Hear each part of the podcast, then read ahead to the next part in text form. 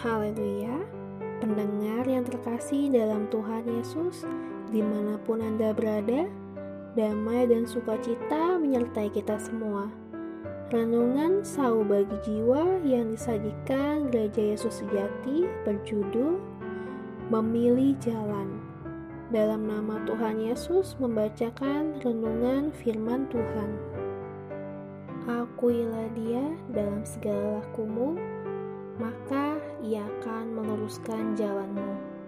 Amsal 3 ayat 6 Berbekal aplikasi peta digital, seorang teman saya, Tina, pergi ke suatu tempat di Bandung yang belum pernah didatanginya.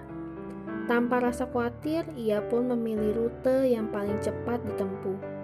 Karena bermacet-macetan sangatlah tidak menyenangkan walaupun langit begitu cerah dan pemandangan sekitar begitu indah.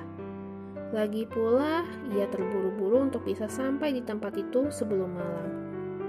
Setelah beberapa waktu, ia mulai merasa ngeri dan bingung karena peta digital mengarahkannya ke sebuah jalan yang kanan kirinya jurang.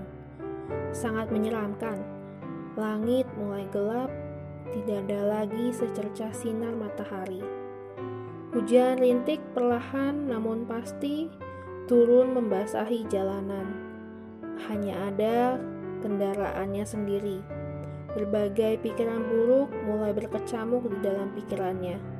Cepat-cepat ia memundurkan mobilnya dan berputar balik. Kawan, pernahkah Anda juga salah memilih jalan? Salah memilih jalan saat berkendara, kita tinggal pasang gigi mundur berputar dan memilih jalan lain.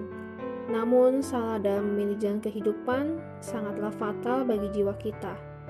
Kita tidak dapat sampai ke tujuan kita, yaitu kehidupan kekal. Karena itu, kita harus hati-hati dalam memilih jalan kehidupan kita. Jangan sampai kita tersesat dan salah jalan, sebab ada jalan yang disangka orang lurus, tetapi ujungnya menuju maut. Amsal 14 ayat 12. Sehingga akhirnya kita tidak sampai ke tujuan. Sungguh ironis, bukan? Setelah bersiap-siap menjalaninya dengan begitu rupa, sudah mempunyai harapan dan tujuan, tetapi tidak dapat sampai tujuan. Bagaimana agar hidup kita tidak salah jalan dan bisa sampai tujuan? Kadangkala kita berpikir bahwa hidup ini berada di bawah kendali kita, sehingga kita memiliki kebebasan penuh untuk melakukan apa saja, dan orang lain tidak memiliki hak untuk mengaturnya.